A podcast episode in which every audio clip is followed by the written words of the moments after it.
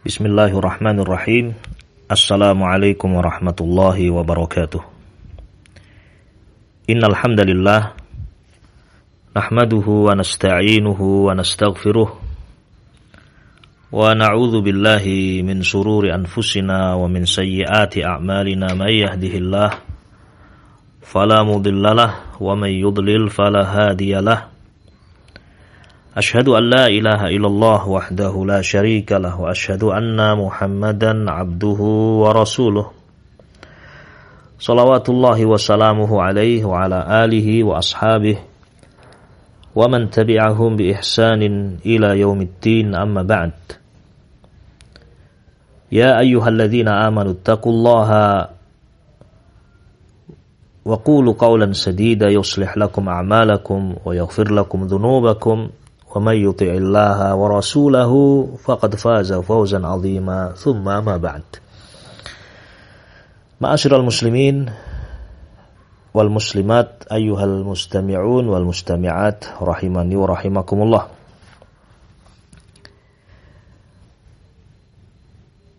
Islam adalah agama yang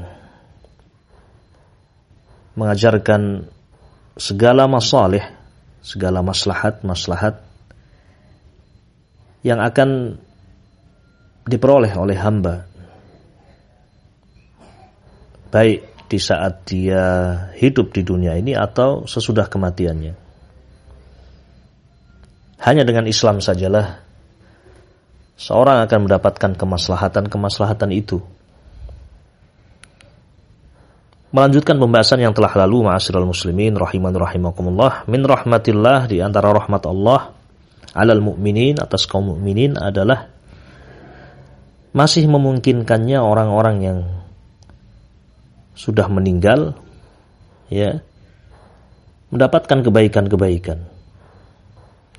Dan kebaikan yang sampai kepada mayit ada dua jalan yang telah kita bahas. Jalan yang pertama adalah ya kebaikan-kebaikan yang muncul setelah kematiannya yang itu adalah akibat dari amalan mayit ketika hidupnya. Seperti ilmu yang bermanfaat, sodakoh jariah, ya, kemudian anak soleh yang senantiasa mendoakannya. Kebaikan-kebaikan yang muncul dari sodakoh jariah, dari ilmu yang bermanfaat, ya itu sesungguhnya adalah buah dan akibat dari perbuatan mayit di masa hidupnya. Maka Allah Subhanahu wa taala ya mengalirkan pahalanya kepada mayit selama ya ilmunya dimanfaatkan selama sodakoh yang dia keluarkan dimanfaatkan wakaf yang dia keluarkan dimanfaatkan. Ini jalan yang pertama ma'asyiral muslimin. Rahiman rahimakumullah Jalan yang kedua yang sedang kita bahas pada pembahasan yang telah lalu adalah terkait dengan eh, apa yang dihadiahkan oleh orang-orang yang hidup kepada mayit. Dan ini permasalahan yang cukup panjang dibahas oleh para ulama di mana ada perkara-perkara yang disepakati dan di situ ada perkara-perkara yang ya diperselisihkan. Penting untuk kita memilah dan merinci satu persatu mana perkara-perkara yang disepakati dan mana perkara-perkara yang ya diperselisih, diperselisihkan. Adapun perkara-perkara yang disepakati telah kita sebut kemarin ikhwatil kiram Para ulama bersepakat bahwasanya mayit mendapatkan manfaat dari doa saudara-saudaranya kaum muslimin. Ini tidak terjadi khilaf di kalangan para, para ulama. Ittafaqu ala dzalik. Bersepakat bahwasanya doa orang-orang yang hidup bermanfaat bagi mayit. Muslim tentunya. Kemudian juga ya disepakati ittafaqul ulama, para ulama bersepakat bahwasanya tidak boleh dan tidak bisa ya amalan-amalan hati itu e, dihadiahkan kepada mayit. Nah, disepakati oleh para ulama rahimahumullah. Seperti misalnya at-tawakkul 'ala Allah, ya. Ar-raja dan yang lain, al-iman billah azza wajalla ini kesepakatan yang kedua. Ittafaqal ulama ala adami jawazi ihda'i a'malil qulub. Para ulama bersepakat ya tidak diperbolehkannya menghadiahkan amalan-amalan al-qulub, hati. Nah. Kemudian kita lanjutkan ikhwatil kiram rahiman rahimakumullah. Yang ketiga, di antara perkara yang disepakati oleh para ulama ya. Para ulama bersepakat ittafaqul ulama ala wusuli thawabi sadaqah anil mayyit. Para ulama bersepakat eh, sampainya pahala sodakoh ya atas mayit. Jadi sodakoh ya di atas namakan mayit. Termasuk di antaranya adalah ali itiq anhu membebaskan budak ya e, atas nama mayit. Terkait permasalahan ini, ma'asyiral muslimin rahimani rahimakumullah, ya. Permasalahan apakah boleh kita bersodakoh dengan niat untuk mayit dan apakah pahalanya sampai kepada mayit. Ya. Permasalahan ini ya dibangun di atas adillah. Ya. Kebolehan amalan ini dan sampainya pahala kepada mayit ditunjukkan adillah, ditunjukkan oleh dalil-dalil ya. Di antaranya ya hadis-hadis berikut ini ikhwatil kiram rahiman rahimakumullah. Diriwayatkan dari Aisyah radhiyallahu taala anha anna rajulan qala lin nabiy sallallahu alaihi wasallam inna ummi uftulitat nafsuha wa adhunnuha law takallamat tasaddaqat fahal laha ajrun in tasaddaqtu anha qala na'am qala na'am طيب Aisyah radhiyallahu taala anha berkata, ada seorang laki-laki datang kepada Nabi Ali salatu wassalam. Bertanya kepada Nabi, "Inna ummi ya Rasulullah ibuku uftulitat nafsaha." Uftulitat nafsaha maksudnya matat faj'atan. Meninggal tiba-tiba. Nah, tiba-tiba meninggal. Wa adhunnuha takallamat. Dan saya menyangka ya Rasulullah seandainya ibu saya bisa bicara tasaddaqat dia akan bersodakoh sebagai bekal bagi dia. Fahallaha ajrun in tasaddaqtu anha ya Rasulullah apakah ibuku akan mendapatkan pahala seandainya saya bersodakoh ya atas nama ibu saya Qala Nabi Ali Shallallahu Wasallam menjawab, Naam, iya. Hadis ini diriwayatkan oleh Al Imamul Bukhari rahimahullah dan Al Imam Muslim. Hadis ini ma'asyiral muslimin rahiman rahimakumullah jelas menunjukkan bahwasanya sedekah atas mayit ya diniatkan untuk mayit ini sampai pahalanya biidnillahi azza wajal. Demikian pula Hadis yang kedua, hadis Abu Hurairah radhiyallahu taala anhu. Hadis Abu Hurairah radhiyallahu taala anhu yang diriwayatkan oleh Imam Muslim di dalam sahihnya. Anna rajulan qala lin Nabi sallallahu alaihi wasallam. Seorang datang kepada Nabi alaihi salatu wassalam ya seorang datang kepada Nabi alaihi salatu wassalam ya. kemudian bertanya ya, datang kepada Nabi Ali Shallallahu Wasallam kemudian bertanya kepada beliau, Inna abi mat. Ayahku meninggal ya Rasulullah. Wa taraka malan. Beliau punya harta, ya, meninggalkan warisan demikian. Walam yusi. Namun tidak sempat untuk berwasiat ya, tidak sempat untuk berwasiat mengeluarkan sebagian hartanya untuk amalan kebaikan.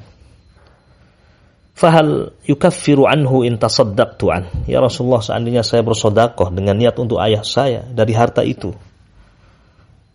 Nah, jika saya bersodakoh dengan niat untuk ayah saya, fahal yukaffir anhu, apakah ya akan bermanfaat baginya, dihapus dosanya dengan kebaikan itu. Maka Nabi mengatakan na'am, iya. Artinya bermanfaat. Ya, sodakoh yang diniatkan untuk ayah. Kemudian hadis yang ketiga, hadis yang ketiga an Abdullah bin Abbas radhiyallahu taala anhuma dari sahabat Abdullah bin Abbas ibn Abdul Muttalib radhiyallahu taala anhuma Sa'd bin Ubadah tuwfiyat ummuhu wa huwa ghaibun anha. Sa'ad ibn Ubadah ibunya meninggal. Dan ketika itu Sa'ad tidak bisa berjumpa dengan ibunya. Maka datanglah Sa'ad ibn Ubadah kepada Nabi Ali Shallallahu Wasallam bertanya, Ya Rasulullah, wahai Rasulullah, Inna ummi tuwfiyat. Ibu saya meninggal ya Rasulullah wa ana ghaibun anha. Dan ketika itu saya tidak ada. Fahal yanfa'uha in tasaddaqtu anha. Apakah bermanfaat untuk ibu saya seandainya saya bersodakoh dengan niat untuk ibu saya? Qala na'am. Nabi mengatakan, iya bermanfaat. Qala kemudian ya Sa'ad ibn Ubadah mengatakan fa inni ushiduka anna haiti al-mikhraf sadaqatun anha. Ya Rasulullah saya mempersaksikan atau saya meminta engkau menjadi saksi bahwasanya kebunku ya yang banyak mengeluarkan buah sodakotun anha ya, adalah sodakoh yang saya niatkan untuk ibu saya. Taib. Hadis ini diriwayatkan oleh Al-Imamu Al-Bukhari rahimahullah. Maka kesimpulannya ma'asyiral muslimin rahiman rahimakumullah. Tiga hadis ini, hadis Aisyah radhiyallahu taala anha dan juga hadis Abu Hurairah dan hadis Abdullah bin Abbas radhiyallahu taala anhuma semuanya menunjukkan bahwasanya sodakoh yang diniatkan untuk mayit boleh dan pahalanya sampai kepada mereka. Naam. Dan dinukilkan ijma ya ala jawazi sodakoh anil mayit. Dinukilkan adanya ijma mengenai bolehnya bersodakoh atas nama mayit atau untuk mayit ya, dinukilkan ijma oleh Ibnu Abdul Bar rahimahullah. Sebagaimana bisa dilihat dalam At-Tamhid. Juga An-Nawawi rahimahullah. An-Nawawi rahimahullah dalam Majmu' beliau mengatakan ajma'al muslimun ala anna sadaqata 'anil mayyit tanfa'uhu wa tasiluh. Kaum muslimin bersepakat bahwasanya sedekah ya atas mayit. Oh, dengan niat untuk mayit tanfa'uh. Bermanfaat untuk mayit wa tasiluh. Dan sampai kepadanya. Juga dinukilkan ijma oleh Syekhul Islam Ibnu Taimiyah rahimahullah. Sebagaimana bisa dilihat dalam Majmu' Fatawa. E, juz yang ke-24 halaman 314 berkata Ibnu Taimiyah Amma sadaqatu anil mayyit, adapun sedekah dengan niat untuk mayit, fa innahu yuntafa'u biha. Maka sungguh mayit ya mengambil manfaat bittifaqil muslimin dengan kesepakatan kaum muslimin. Nah, juga di tempat yang lain masih dalam Majmu' Fatawa juz yang ke-24 halaman 309 Al-a'immatu ittafaqu ala anna as-sadaqah tasilu ilal mayyit. Wa kadzalika al-ibadat al-maliyah kal-'itq. A'immah para imam ittafaqu bersepakat bahwasanya as-sadaqah sedekah itu tasil ilal mayyit sampai kepada mayit pahalanya. Wa kadzalika al-ibadat al-maliyah demikian pula ibadah-ibadah maliyah seperti al-itq membebaskan budak diniatkan untuk mayit sampai insyaallah taala. Dinukilkan pula oleh Ibnul Qayyim rahimahullah ya tentang adanya ittifaq tersebut. Nah, sebagaimana beliau sebutkan di dalam kitab Ar-Ruh Walhamdulillahirabbil alamin. Ini poin yang ketiga ya, ma'asyiral muslimin rahiman rahimakumullah dari ittifaq para ulama terkait dengan masalah yang eh, apa namanya sedang kita bahas di sini. Kemudian yang keempat, ma'asyiral muslimin rahiman rahimakumullah. Permasalahan yang keempat ya. Ittafaqal ulama ala intifa'il mayyit bi dain. Para ulama juga bersepakat bahwasanya mayit mengambil manfaat yakni bermanfaat bagi mayit bi dain dengan di, dibayarkannya hutang dengan niat untuk mayit yakni membayarkan hutang mayit ini bermanfaat Nah, e, teringat kisah e, Az-Zubair ibnu Awam, nah, ketika berpesan kepada putranya Abdullah sebelum meninggalnya, ya, e, juga kisah e, Abdullah ayah dari Jabir. Ketika berpesan kepada Jabir Ya. Nah, baik Zubair bin Awam atau Abdullah ya, berpesan kepada putranya sebelum meninggalnya terkait dengan hutang-hutang yang dimiliki. Nah, untuk dibayarkan. Dan mungkin bagi kita mendapatkan seorang yang tidak sempat berpesan, ya, Taib kemudian meninggal, ya kemudian ada bukti-bukti dia memiliki hutang atau ada, atau ada orang yang datang membawa bukti fulan punya hutang dengan saya. Ya ada saksinya atau ada hitam di atas putih yang menetapkan mayit punya hutang. Kita membayarkan hutang untuk mayit baik mayit itu ada hubungan kekerabatan dengan kita atau tidak ya. Itu bermanfaat bagi mayit. Bermanfaat bagi mayit dan ini disepakati oleh para ulama. Ittafaqal ulama ala intifa'il mayyit bi qada'id dain anhu. Ulama bersepakat ya bahwasanya mayit mengambil manfaat dengan dilunaskannya hutang ya untuknya. Wabillahi taufiq.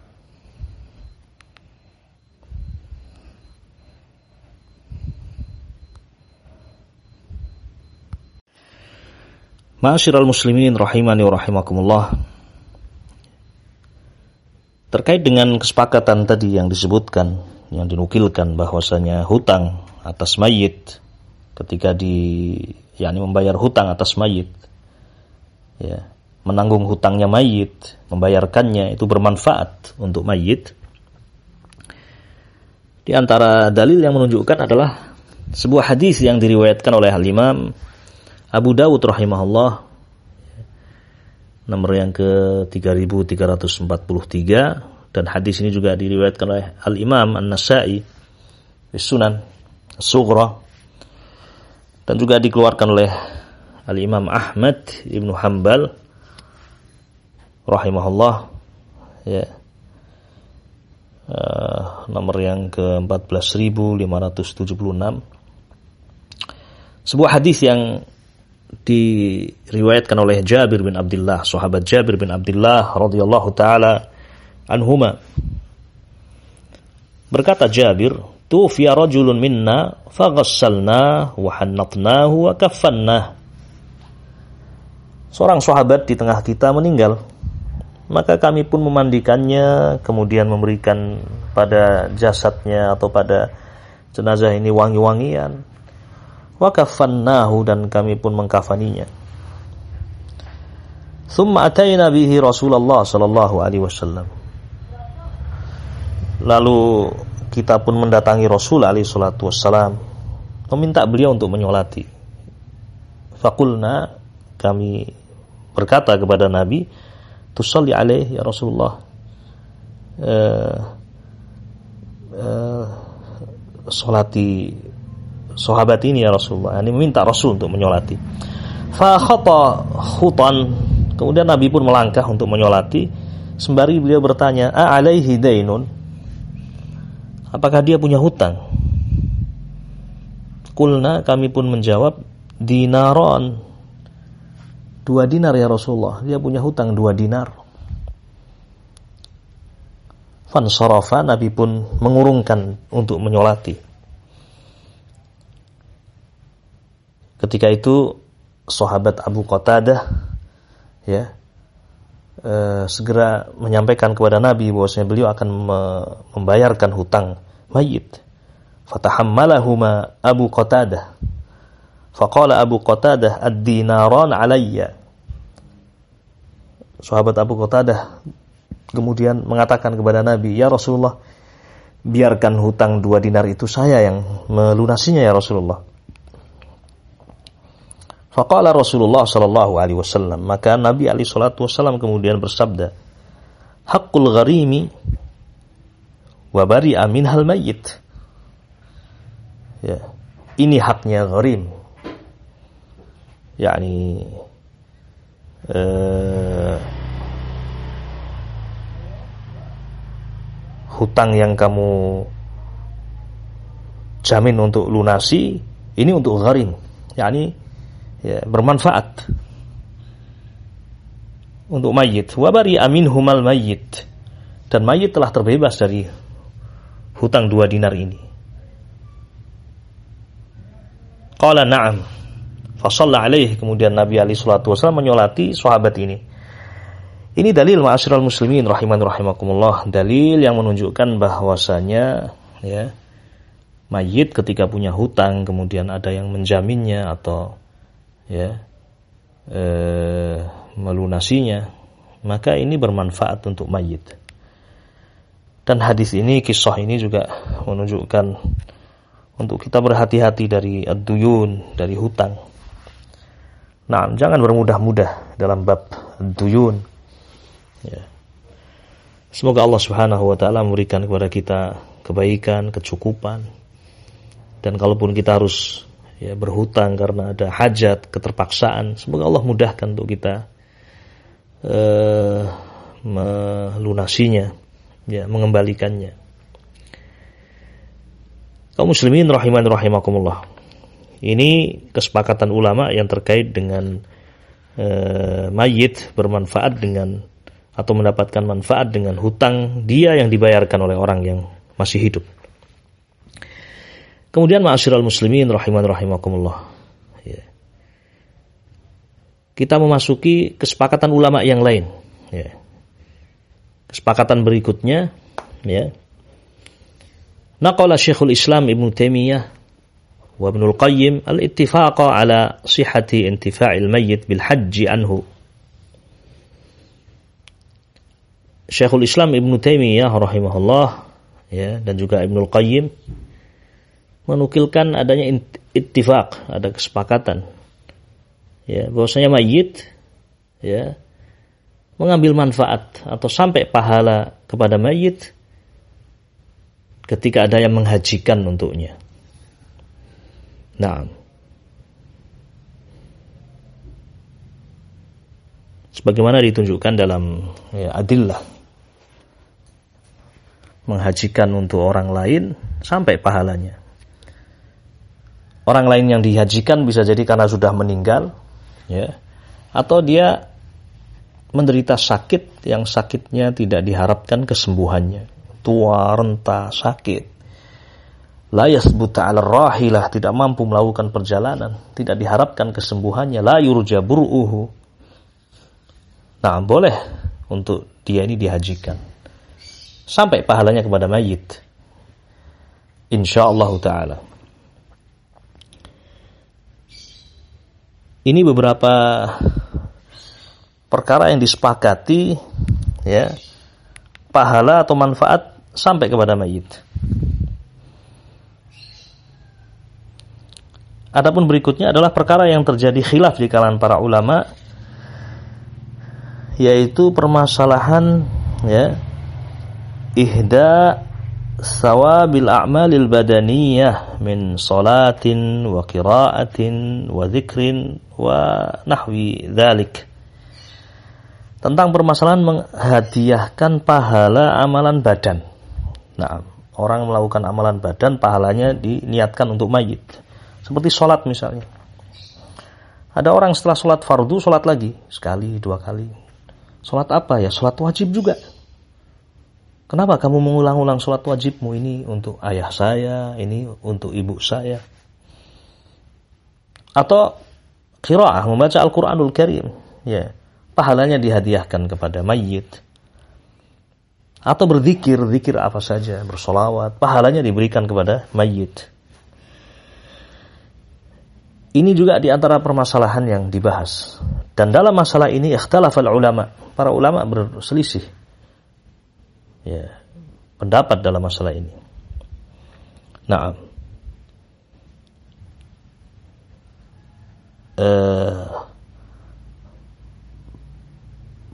pendapat yang al-aqrab yang lebih dekat bahwa rajih itu yang rajih insyaallah annahu la yajuzu ihda'ul ibadat al-badaniyah lil amwat tidak boleh menghadiahkan ibadah-ibadah badaniyah lil amwat untuk mayit. Nah, dan eh, apa namanya? Ini di antara yang di apa namanya pilih oleh Al Imam Ibnu Katsir rahimahullah di dalam eh, tafsirnya. Nah, di antara dalilnya adalah firman Allah Subhanahu wa taala dalam surah An-Najm ayat ke-39. Wa an insani illa ma sa'a. Dan tidak ada yang didapat oleh manusia kecuali apa yang dia upayakan, apa yang dia amalkan.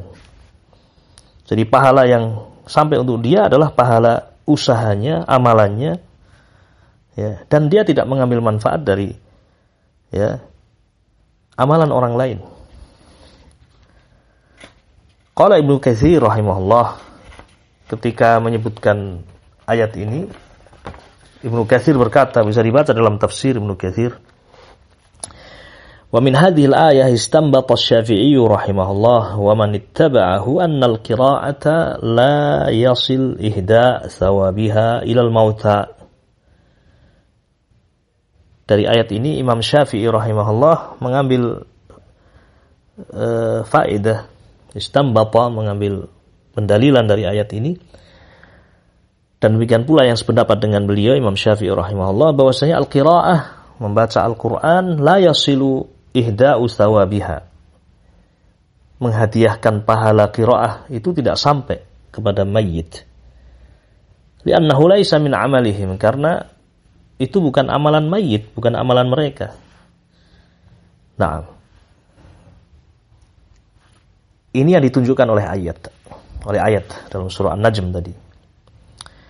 Kalau ada yang bertanya, lalu bagaimana dengan tadi kesepakatan-kesepakatan sampainya pahala sodako yang itu merupakan amalan maliyah ya, atau haji nah, dan yang semisalnya.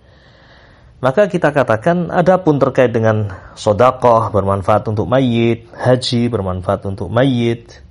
Nah, ini adalah ya sesuatu yang ditunjukkan dalam dalil sehingga mengkhususkan apa yang ada pada keumuman ayat tadi. Ya. Wallahu a'lam. Dan ini wallahu a'lam pendapat yang akrab, yang dekat dan lebih hati-hati khuruj minal khilaf. Kita uh, uh, berputar bersama dengan dalil yakni sebatas apa yang disebutkan dalam dalil, sebatas apa yang disebutkan dalam Alkitab was sunnah tentang apa yang sampai kepada mayit, yaitu yang kita pegang. Sodakoh untuk mayit sampai, ya, membayarkan hutang untuk mayit sampai juga bermanfaat. Kemudian ketika mayit punya hutang puasa, puasa wajib, apakah itu nazar atau som Ramadan, kemudian ya walinya berpuasa dengan niat untuk mengkodok hutangnya juga sampai bermanfaat. Haji bermanfaat. Karena itu disebutkan dalam dalil. Hada huwa ar-rajih. Inilah yang rajih wallahu a'lam. Ma'asyiral muslimin rahiman rahimakumullah. Kita saat ini masih hidup. Ya membicarakan tentang apa yang bisa kita dapatkan manfaatnya atau apa yang mayit bisa mendapatkan manfaatnya atas orang-orang yang hidup. Kita masih berbicara tentang masalah ini dan akan datang saatnya kita sudah tidak bisa lagi berbicara. Karena kita juga termasuk dari mereka yang sudah mati. Wa inna insyaallahu bikum lahiqun. Kita pasti akan menyusul. Naam. Maka mari ma'asyiral muslimin rahiman rahimakumullah sisa hidup kita ini kita manfaatkan sebaik-baiknya untuk berbekal diri mencari bekal sebanyak-banyaknya menghadap Allah Subhanahu wa taala, melakukan perjalanan yang panjang. Perjalanan yang panjang. Nah, di antaranya dengan berupaya kita memiliki amalan yang amalan itu memberikan asar, ya pengaruh yang terus mengalir pahalanya. Seperti yang disebutkan dalam hadis Abu Hurairah. Idza matal insan inqata'a amaluhu illa min salasin. Jika seorang meninggal maka akan terputus amalannya illa min salasin. Kecuali ya dari tiga amalan sodakotin jariyah, sodakoh jariyah, atau ilmin yuntafa'u bih, atau ilmu yang bermanfaat, atau waladin solihin yada'ulah, atau anak soleh yang senantiasa mendoakan dia. Naam. Dan juga eh, di antara upaya yang kita lakukan agar kita mendapatkan pahala yang banyak adalah menyebarkan hadis ini. Hadis Abu Hurairah. Kita sebarkan kepada manusia kita ingatkan manusia untuk mengamalkan hadis ini. Ya. Mungkin kita tidak punya harta untuk mewakafkan harta kita. Namun kita mengingatkan seorang yang kaya dengan hadis ini untuk dia wakaf. Kemudian dia akhirnya wakaf. Kita pun mendapatkan pahala mengalir dengan sebab itu. Nah, Demikian ikhwatil kiram rahiman rahimakumullah. Sebarkan hadis ini, hadis Abu Hurairah radhiyallahu taala anhu. Ya, ajak manusia untuk ya bersama-sama berusaha menyiapkan bekal di hari akhir. Semoga Allah Subhanahu wa taala memberikan kebaikan kepada kita semuanya. Mengampuni dosa-dosa kita, dosa-dosa kedua orang tua kita, ya kerabat kita, dan kita mohon kepada Allah Subhanahu wa taala bi asmaihil husna dengan nama-namanya yang maha indah dan sifat-sifatnya yang maha tinggi. Semoga Allah Subhanahu wa taala mencatat kita semuanya sebagai penghuni jannah al-firdaus dan semoga di bulan Ramadan ini kita termasuk di antara hamba-hamba Allah yang dibebaskan dari api neraka. Naktafi bihadal qadri kita cukupkan semoga yang sedikit ini berfaedah dan bermanfaat. Wassallallahu wasallam ala nabiyyina Muhammad wa ala alihi wa sahbihi ajma'in. Subhanakallahumma wa bihamdika asyhadu an la ilaha illa anta astaghfiruka wa atubu ilaik. Assalamualaikum warahmatullahi wabarakatuh.